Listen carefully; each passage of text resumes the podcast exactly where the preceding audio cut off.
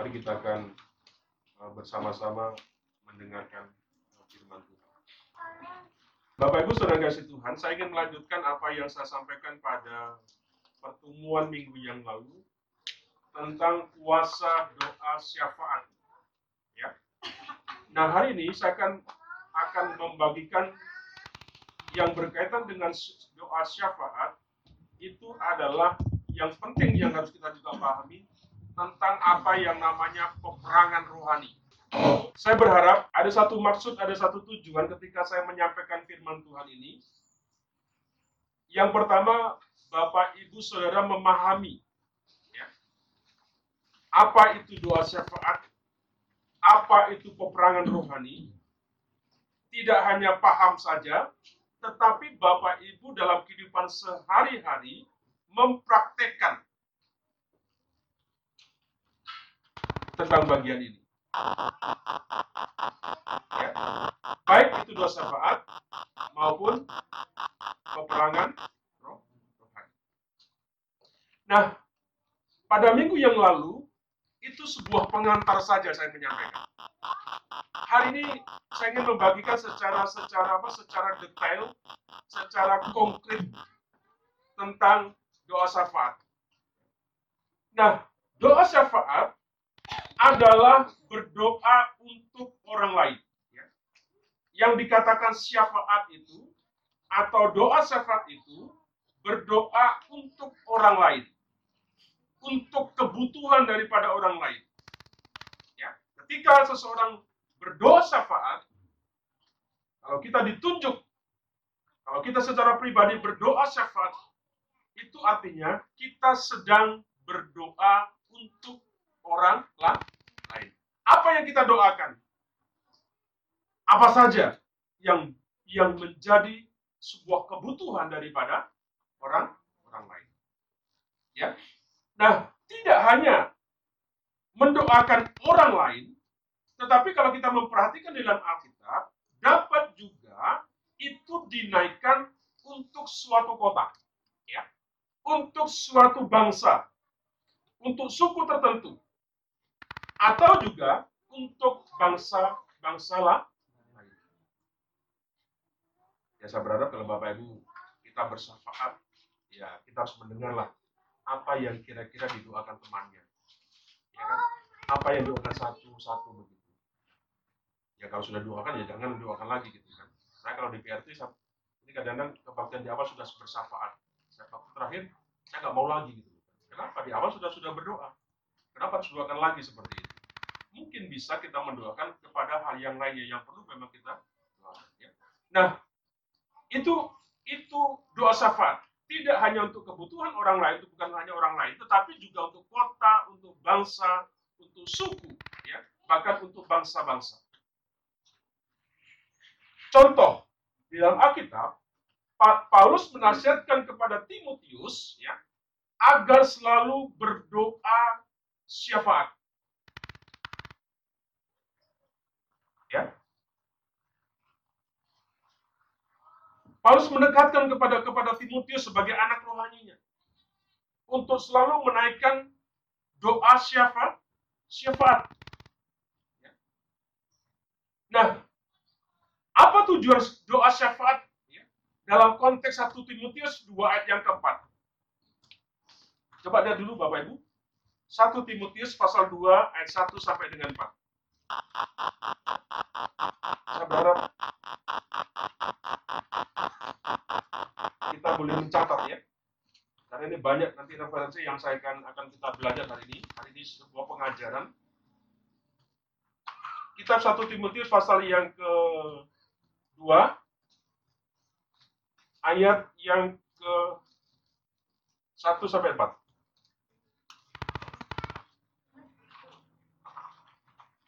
Mari kita baca. 1 Timotius pasal 2, 1 sampai 4, 3, 4 mengenai doa jemaat. Pertama-tama aku menasihatkan, naikkanlah permohonan, doa syafaat dan ucapan syukur untuk semua orang, untuk raja-raja, dan untuk semua pembesar, agar kita dapat hidup tenang dan tentram dalam segala kesalahan dan kehormatan.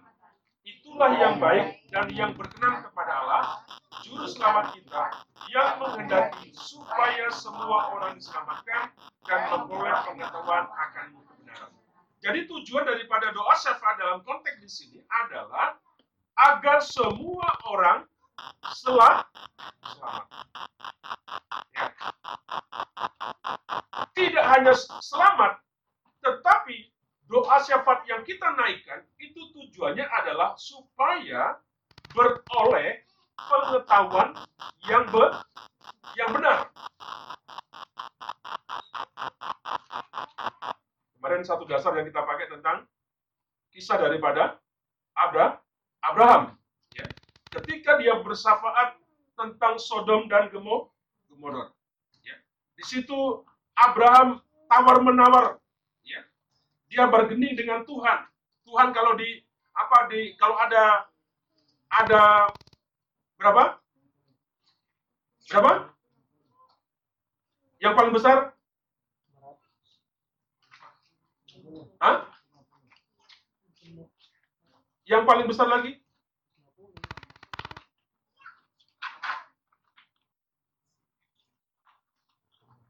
Coba lihat lihat dulu apa kejadian 18. Ayat 16 sampai 33. Pertama, kalau ada di sini berapa orang?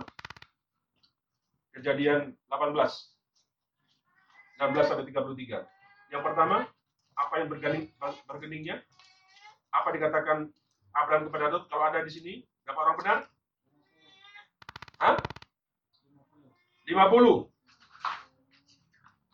Kalau ada 50, gimana Tuhan? Boleh. Kemudian, setelah, setelah 50, berapa? 40. 45. Kalau ada kalau tidak 50, bagaimana 45 Tuhan? Oh bisa. Sampai yang terakhir kepada 10.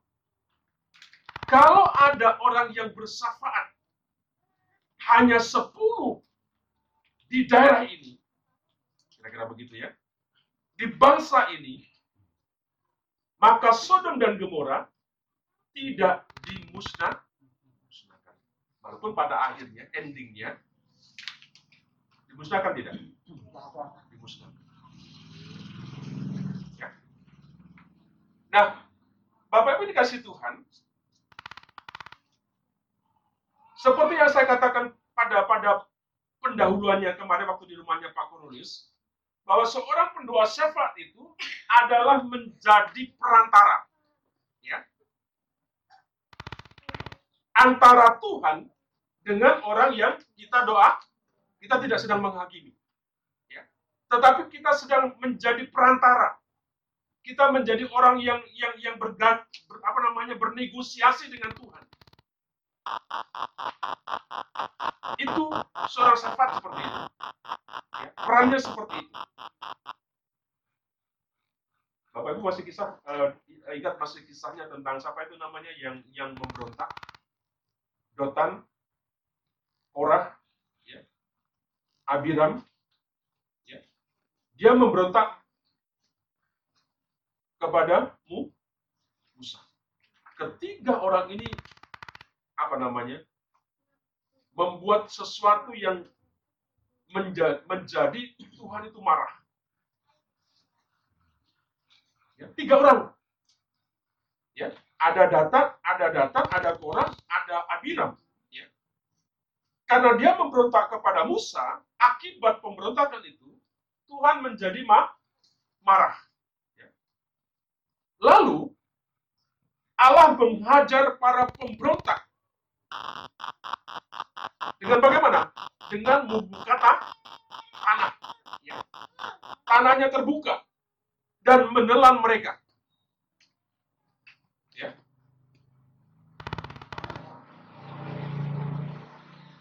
Berarti itu saja? Tidak. Orang-orang Israel marah kepadamu Musa. Karena tiga orang ditelan oleh tanah, maka orang Israel marah kepadamu Musa. Ya. Mereka marah kepada Musa. Ya. Bagaimana Tuhan? Marah? Dia marah lagi. Apanya tiga orang Karena pemberontakan dari tiga orang ini, Tuhan marah, ditelan sama tanah, masuk ke dalam bumi. Kemudian orang Israel protes kepada Musa. Tuhan tambah marah lagi. Ya. Akhirnya apa terjadi? Banyak tulah. Banyak penyakit yang menghampiri orang-orang Israel pada, pada waktu itu. Dan tulah itu yang mematikan. Ya. Namun, Harun mengambil satu satu apa uh, satu satu apa namanya seperti tempat pendupaan begitu ya.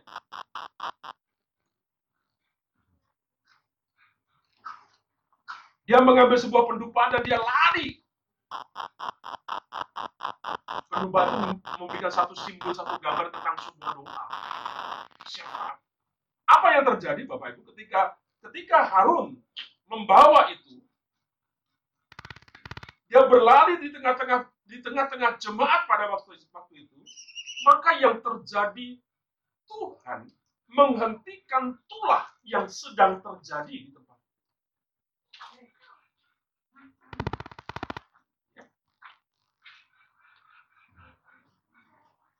Tulah yang menimpa beberapa orang karena karena karena Harun yang membawa dupa itu, sehingga tulahnya berhenti Bapak orang yang bersalah seperti itu.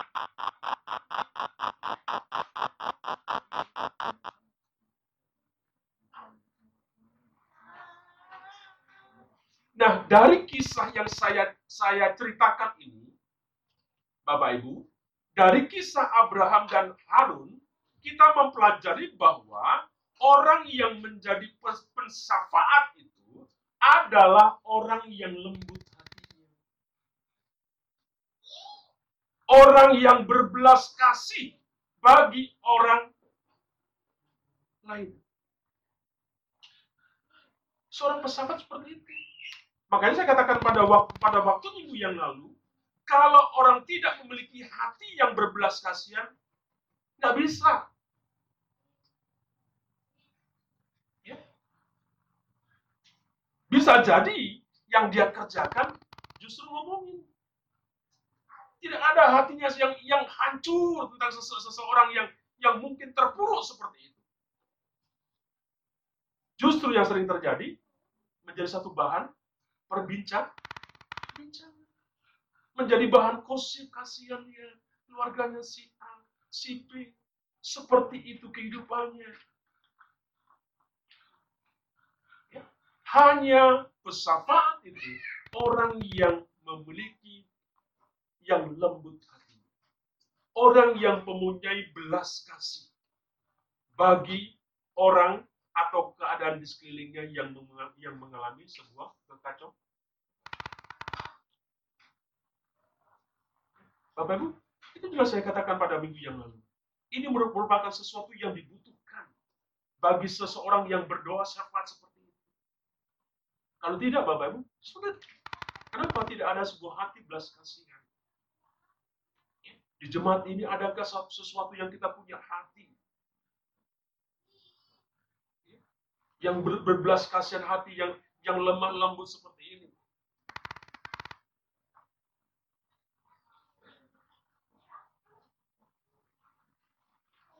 Nah, berikutnya yang kedua, apa tujuan bersyafaat?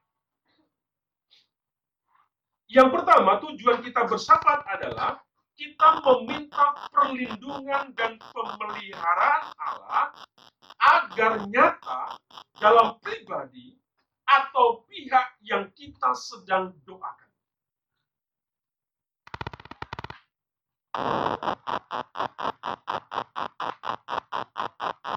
Ya. Jadi meminta perlindungan, meminta pemeliharaan Allah agar nyata dalam pribadi orang yang kita doa, yang kita doakan. Beberapa hari yang lalu saya berkunjung kepada salah satu pendeta di Kerawang, Bapak Ibu. Saya masuk, ya memang sudah sepuh pendeta ini sakit masih di apa di ruang ICU. Saya melihat ketika saya masuk uh, seluruh badannya sudah di, disambung-sambung dengan alat medis. Sudah dicocok-cocok semua. Dan Bapak Ibu, tidak hanya di situ. Ini Pak Pendeta ini sudah gelisah. Sudah bolak-balik, aduh sudah naik turun, naik turun, ah, ah, ah, begitu kan. Lalu saya, saya teringat dengan tetangga. Kemudian saya teringat dengan tetangga. Dulu si A itu waktu meninggal, karena saya ikut di situ, hari-hari kemarinnya baik, bisa bicara dengan baik. Tapi hari hari yang ke, yang yang kedua yang saya perhatikan, dia sudah tidak bisa. Ya. Kalau dia tidur, dinaikkan, dorot lagi begitu. Ayo dia, oke, begitu kan. Bahkan sampai pingin mandi, saya saya ikut-ikut membawa karena sudah nggak bisa apa-apa di kamar mandi karena saking beratnya diangkat tiga orang tidak kuat hanya beberapa tukang diseret orang ini diseret kita nggak ngerti. Ternyata bapak ibu tidak lama orang ini meninggal. Dan saya teringat dengan pendeta ini. Kayaknya sudah pulang sudah naik naik turun tapi Tuhan masa Pak Pendeta ini Tuhan akan ambil saya, saya sama ibu kemudian sama anaknya karena karena tidak boleh banyak banyaknya dua orang untuk masuk di situ saya berdoa dan jujur bapak saya saya berdoa nggak nggak ngerti saya berdoa apa. Saya tidak bisa fokus saya tidak bisa konsentrasi tentang apa tentang apa dan sebagainya. Karena dengar gelas seorang itu. Saya doa dan dan cukup singkat saya berdoa. Dan ketika tiap pagi saya berdoa di ruang di kaca, kaca saya ingat dengan bapak ini. Saya saya bilang sama saya hanya bilang sama Tuhan Tuhan hamba begini begini Bapak apa yang terjadi? Ya saya tak, tidak tahu kan saya mendengar WA-nya dari dari ini. Hari ini pendeta itu jauh lebih bagus. Ya. Saya percaya itu bukan karena karena istilahnya saya dalam tidak itu saya percaya ada banyak orang-orang yang bersahabat untuk saya. Senang maksudnya yang saya mau katakan senang. Ketika saya mendengar puji Tuhan terima kasih Bapak Ibu yang sudah sudah mendoakan tentang Bapak saya begini-begini. Sekarang kondisinya sudah bagus. Jadi doa sahabat seperti itu meminta sebuah perlindungan meminta sebuah pemeliharaan yang nyata dalam kehidupan pribadi. Ya, orang yang kita doa. Nanti silakan dibuka 1 Tesalonika 5 ayat 23 24 ya. Nanti dibuka, dicatat saja. Yang kedua, 1 Tesalonika ayat 5 ayat 23 sampai 24 ya. Yang kedua, apa tujuan syafaat? Meminta agar Allah mewahyukan dirinya ya terhadap pribadi yang kita doakan.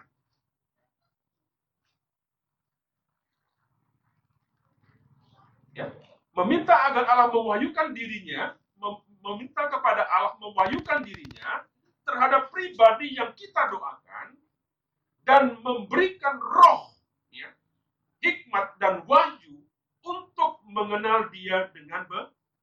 Itu tujuannya. Ibu, jujur saya uh, asa sebenarnya ketika mengajar anak SMA 1 SMA 2, khususnya SMA 2 kemarin saya tanya karena saya di SMA 1 saya tanya berapa sih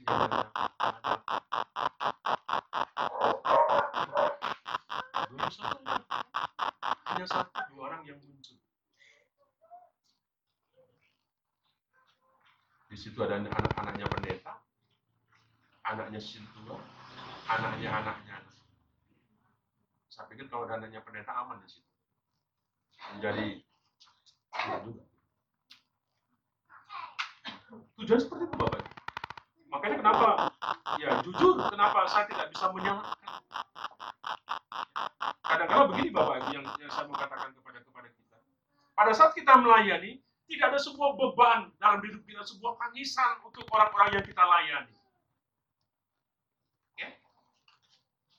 Nah, Bapak Ibu, eh, apa namanya? Ketika eh, ketika kita kita melayani sekolah minggu kita, ketika kita melayani jadi VL tempat ini. Bapak Ibu kalau nyanyi haleluya, haleluya itu gampang. Ya. Itu biasa seperti itu. Tapi adakah sebuah hati yang kita bangun ketika kita ini melayani? Ketika kita ketika kita, apa kita kita bercerita, ketika kita memuji Tuhan. Sejauh mana persiapan kita di hadapan Tuhan?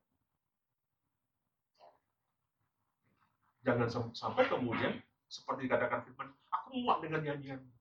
Kelihatannya engkau rohani di tempat ini. Tetapi engkau rohana di luarnya. Itu kan celaka seperti itu.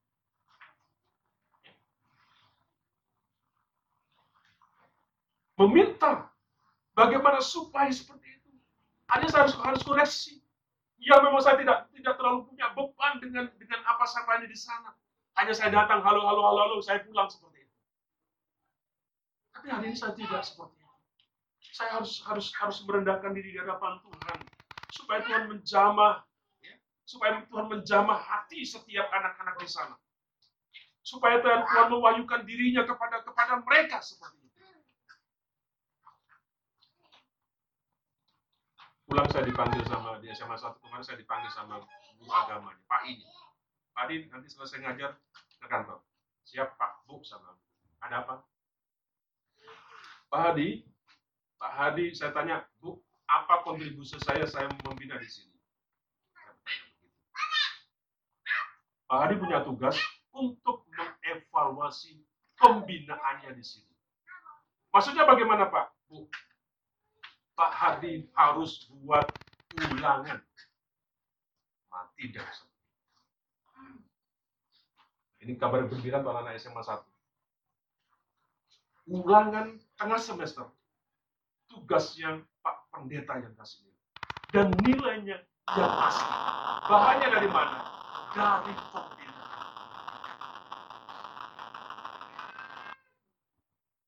Ini, ini berita yang bagus untuk anak SMA satu. Saya bilang sama anak tadi malam, jujur sebenarnya Bapak nggak mau. Bapak lebih senang ngajar pulang Bapak baik kalau sudah di situ Bapak Ibu harus ditanam. Tanam di situ. Seperti itu. Nah itu yang yang yang menjadi tujuan orang bersyafaat. Yang ketiga, memohon agar Tuhan memberikan sebuah keselamatan.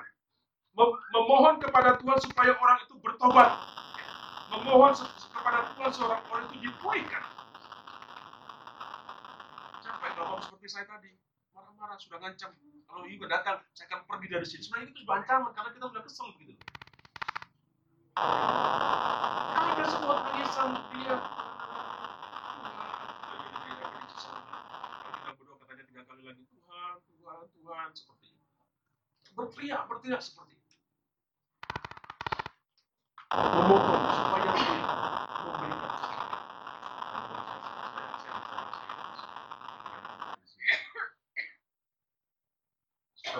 muda dia bilang saya nggak tahu apa maksudnya kamu nggak tahu. Terlalu rumit gitu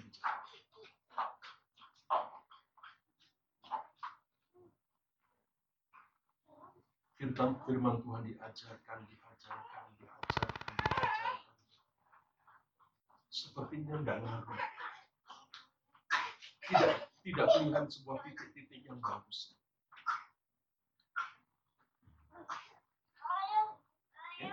Bapak Ibu, sesuatu yang harus kita kerjakan. Tidak cukup dengan sebuah pengajaran. Tetapi yang harus kita lakukan, kita ini harus bersama. Buat generasi kita. Memohon agar Tuhan memberikan keselamatan. Memberikan sebuah pertobatan seperti itu. Sebuah pemulihan kepada orang yang kita doakan. Itu tujuannya kita bersama. Sebab itu Bapak Ibu seperti dikatakan pada minggu lalu, kalau kita bisa seperti ini,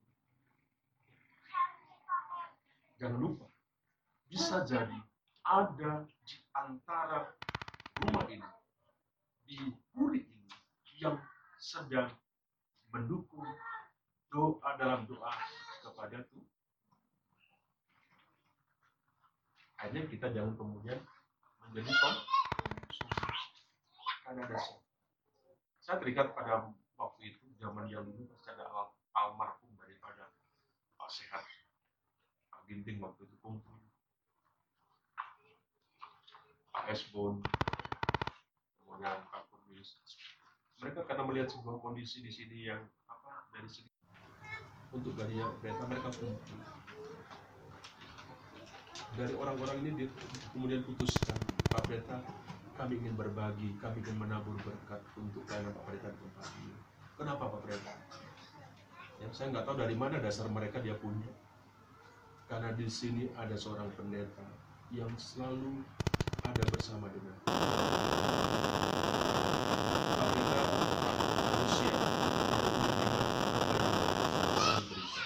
Dan beberapa orang itu komitmen.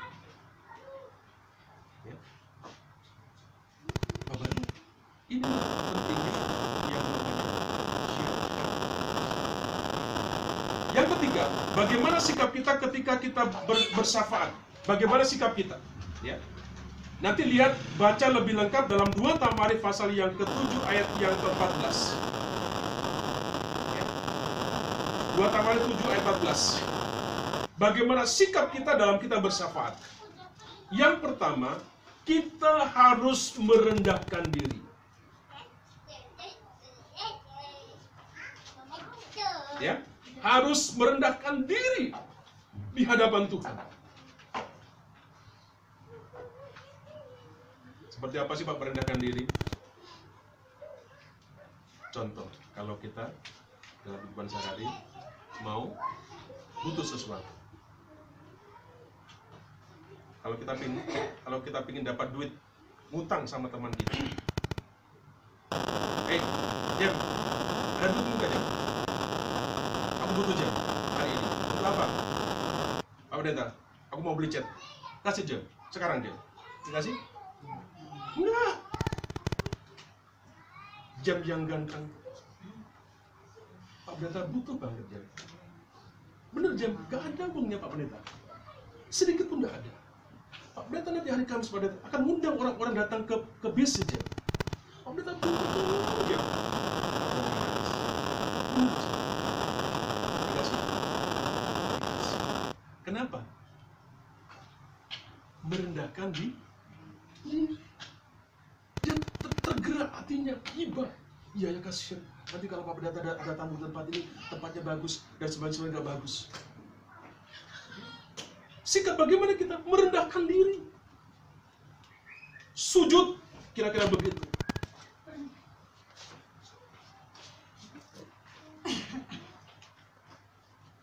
Tidak hanya merendahkan diri sikap kita yang kedua, kita berdoa dengan sepenuh hati.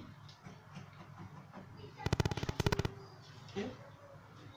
Ada kan kadang doa eh, kalau orang yang biasa doa dengan orang yang tidak biasa doa, ya bukan kita kita meng, meng- mengkotak-kotakan.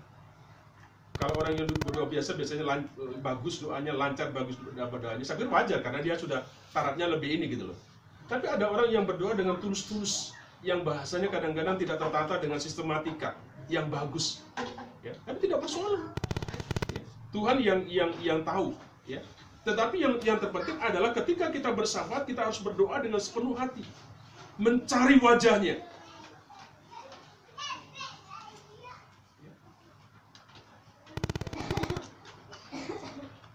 Berdoa dengan sepenuh hati seperti apa sih?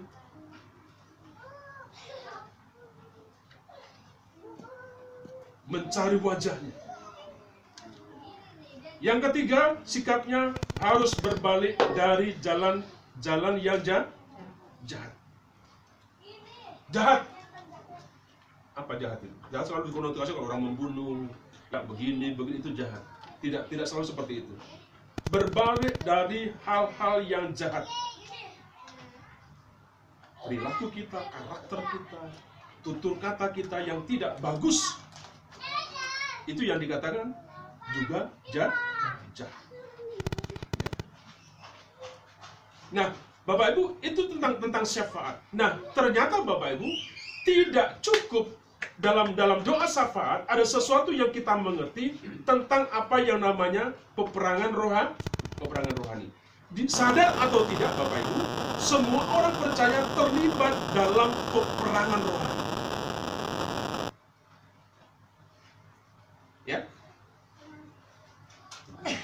Dalam peperangan rohani, siapa yang kita lawan?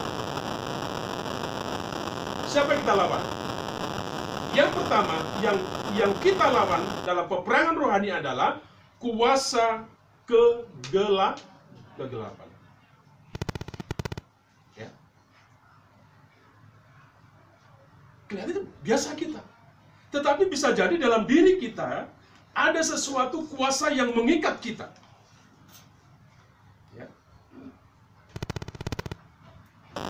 Peperangan kita yang kedua, Bapak Ibu, itu sebenarnya adalah berbicara tentang peperangan yang paling berbahaya itu adalah di dalam pikiran kita. Pikiran kita. Kita satu minggu berdoa di BC, seperti yang saya katakan pada minggu yang lalu. Di sebelah saya, setiap malam, rapat.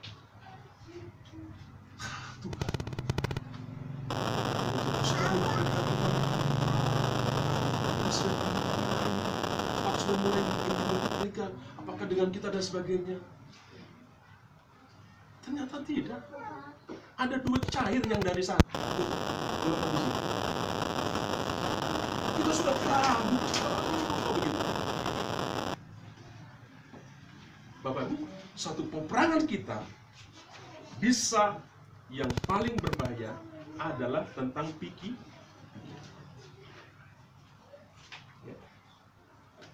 kuasa kegelapan yang kemudian yang kedua medan pertemuan pertempuran kita yang kedua adalah pikiran kita. Itu yang harus kita perang.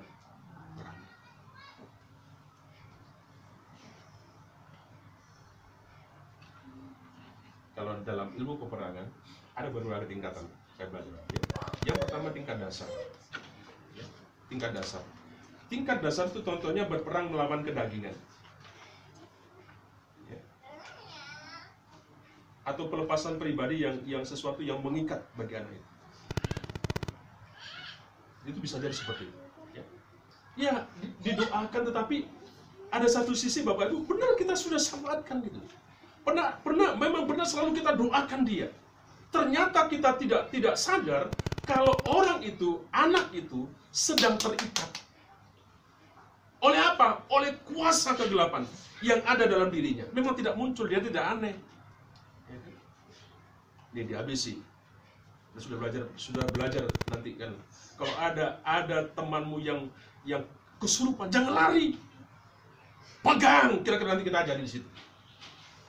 Lari. Iya. Katanya Kristen ya kan? tapi dalam susupan tidak kesempatan untuk kita mendemonstrasikan kuasa Tuhan di situ. Kita takut. Takut kenapa? Setannya lebih gede pak daripada saya Ya ilah. Cilakanya kalau ada yang kesusu, kesurupan. Tapi saya nggak dengar di biasa kalau kalau ibu cerita atau yang lain cerita, ya tadi di sana ada kesurupan begini. Terus apa itu? Aku diam saja. Aku begini begini. Takut takut takut. Ya, ya, Bapak Ibu, itu yang yang yang yang perlu ingat. Ada tingkat dasar, ya berperang melawan kedagingan itu harus peperangan ya, perlu dilepaskan. Kita doakan. Nanti kalau ada Rabu saya saya kasih tentang doa apa eh, bagaimana apa namanya menyatakan sesuatu kemudian bagaimana mengimpartasikan sesuatu dan bisa orang ini nggak dilepaskan dulu. Doa kedua kan kagak. Lepaskan dulu karena ada satu sisi yang harus kita copot dulu. Ya, tingkat dasar seperti itu. Yang kedua, ada tingkat yang namanya dalam peperangan itu tingkat okultisme. Ya. Ini kalau yang bicara tentang sihir. Kekuatan-kekuatan gaib Mama Sinta kirim ke saya nggak tahu itu gambarnya saya lihat ini gambarnya apa su ikan tapi wujudnya kok tiba-tiba kepalanya orang begitu apa penampakan atau apa begitu? Apa maksudnya begitu? Ya? Ya, mau maksudnya gitu ya? Apa itu sebenarnya? Iya, apa maksudnya itu? Ikan. Iya, iya. Tapi kepalanya ya. manusia. Lama-lama seperti ngirim. sama begini. Kayaknya berubah begitu. Lama-lama jadi berubah. Ya, jadi tingkat okultisme, Bapak Ibu ada ada sihir, ya, ada dukun, ada kekuatan-kekuatan gaib yang perlu kita perangi. Ada tingkat seperti itu, ada ada yang dasar, ada yang sudah menjurus ke tentang itu. Yang terakhir itu adalah tingkat strategis. Apa itu strategis? Adalah contohnya melawan roh-roh.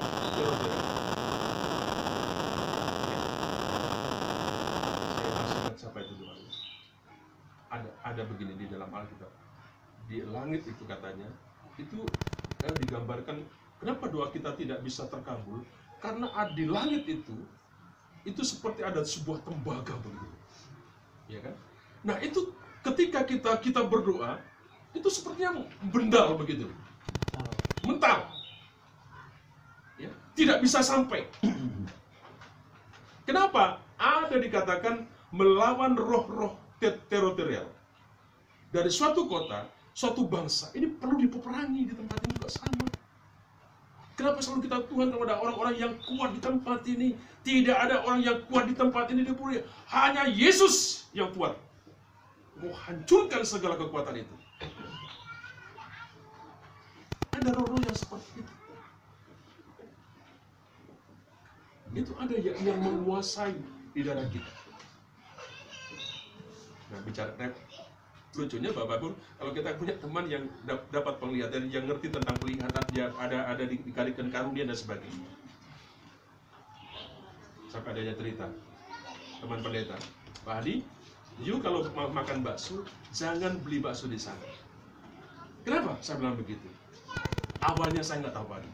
Tapi waktu saya makan, Tuhan mem- memperlihatkan kepada saya, saya tidak percaya, percaya tidak percaya gitu gitu kan. Ternyata apa Pak? Itu di tempat apa namanya kuahnya itu, airnya itu muncul yang aneh-aneh. Dari dari situlah mulai sampai hari ini saya tidak pernah mau diajak makan di sini. Ada bapak Ibu? Makanya kenapa wak- waktu kita makan di mana saja kita berdoa. Kalau tempat itu ada penglaris, ada ada aji-ajinya. Kalau bapak ibu berdoa yang tadinya katanya enak itu akan menjadi luntur menjadi tidak nyaman. Katanya begitu. Kenapa? Karena ada sesuatu yang ditanam di situ. Inilah satu peperangan yang juga kita harus mengerti. Nah, kalau ini tidak diperangi, Bapak Ibu, ya gimana kan akan bisa runtuh kekuasaan kegelapan ini? Tidak bisa lepas. Kenapa? Karena mungkin orang yang kita doakan sedang dibelenggu. Bagaimana supaya ini? Kita harus lepaskan dia. Kita harus perangi dia. Berapa kali, Pak? Sampai berkali-kali. Makanya Pak, kita doa ini hancur, hancur, ikat, sambil suruh ikat.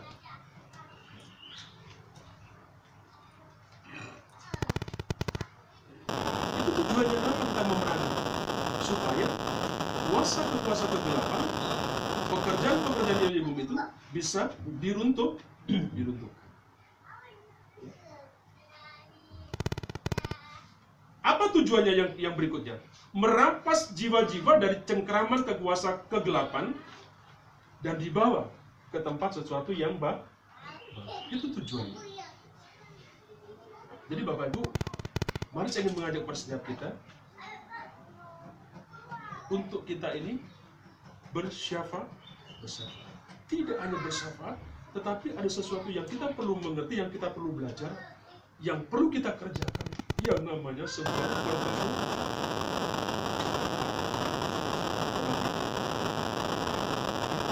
Takut, ada sebuah ketakutan-ketakutan begitu. Peperangan pikiran tadi. Nanti nanti kalau begini, nanti kalau begini dan begini, itu itu membuat kita ini menjadi pu, pusing. Itu peperangan yang perlu kita juga waspadai seperti. Apa dasar kita? Apa kelengkapan yang kita butuhkan dalam kita peperangan rohani? Apa yang kita butuhkan? Kalau kita melihat yang pertama, lihat dalam firman Tuhan nanti, Bapak Ibu lihat di rumah saja, Efesus pasal 6 ayat 13 sampai 18. Di situ ada senjata-senjata roha, rohani. Nantilah kita akan jelaskan yang lain. Tetapi itu yang yang yang utama. Yang pertama, kita dalam peperangan pakai senjata roha, rohani.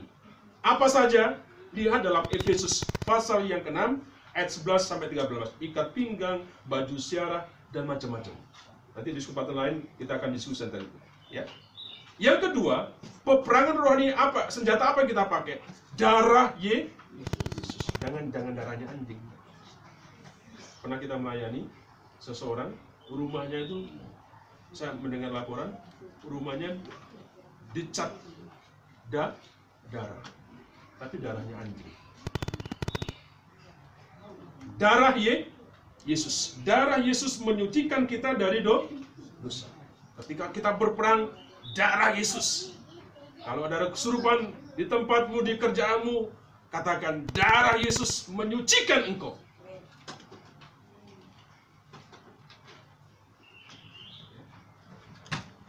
Jangan pakai yang lain lah. Darah Yesus. Ya. Yang ketiga, senjata apa yang kita pakai?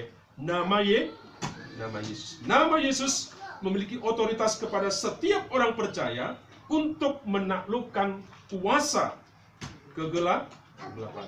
Senjata yang kita pakai nama Yesus. Gak usah kemenyan, gak usah. Tapi nama Yesus, ya. Kemudian yang yang, yang berikutnya peperangan apa kita senjatanya tentang kesaksian kita. Ya, kesaksian kita. Kita mengalahkan dosa iblis dengan menyaksikan segala perbuatan Allah yang ajaib dan karakternya yang sesungguhnya. Itu kesaksian yang perlu kita sampaikan. Kalau ada orang takut, eh, engkau punya Tuhan yang besar. Kira-kira begitu. Ya, kesaksian kita ya kita hanya iya ya. Janganlah nanti jangan ke situ ya. Jangan ke situ. Sehingga juga membuat orang itu akan takut. Kalau sudah lewat situ pasti merinding-merinding begitu. Yang terakhir, senjata yang kita pakai, pakai dalam peperangan yaitu puji, pujian, pujian dan penyembah. Mari kita memuji, mari kita menyembah kepada Tuhan.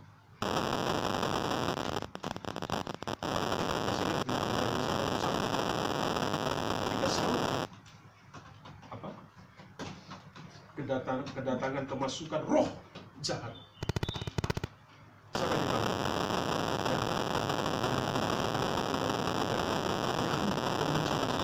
Kamu.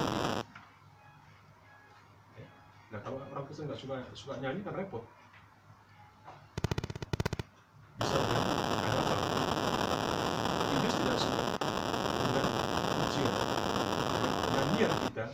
Ada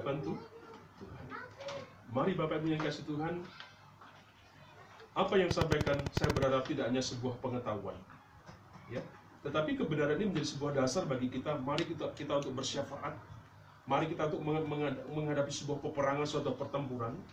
Kalau kita pingin pingin sukses, kalau kita pingin berhasil kira-kira gitu, kita exit, eksis. Ini yang. Mari kita bawa level kita mulai naik. Kita tidak hanya berdoa Tuhan berkati saya, berkati saya, berkati saya. Tidak apa-apa itu harus begitu. Jangan tidak. Tetapi ada satu sisi yang lain yang Tuhan mau juga untuk setiap kita anak-anak Tuhan bersyafaat. bersyafaat. Biarlah dalam minggu-minggu ini kita mau belajar untuk mem- mempraktekkan dan saya ingin di kesempatan lain nanti kita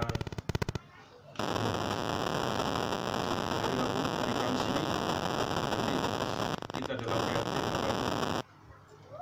saya ingin mengajak itu kebetulan tanggal 14 hari ulang tahun saya. Nanti kita akan syukuran.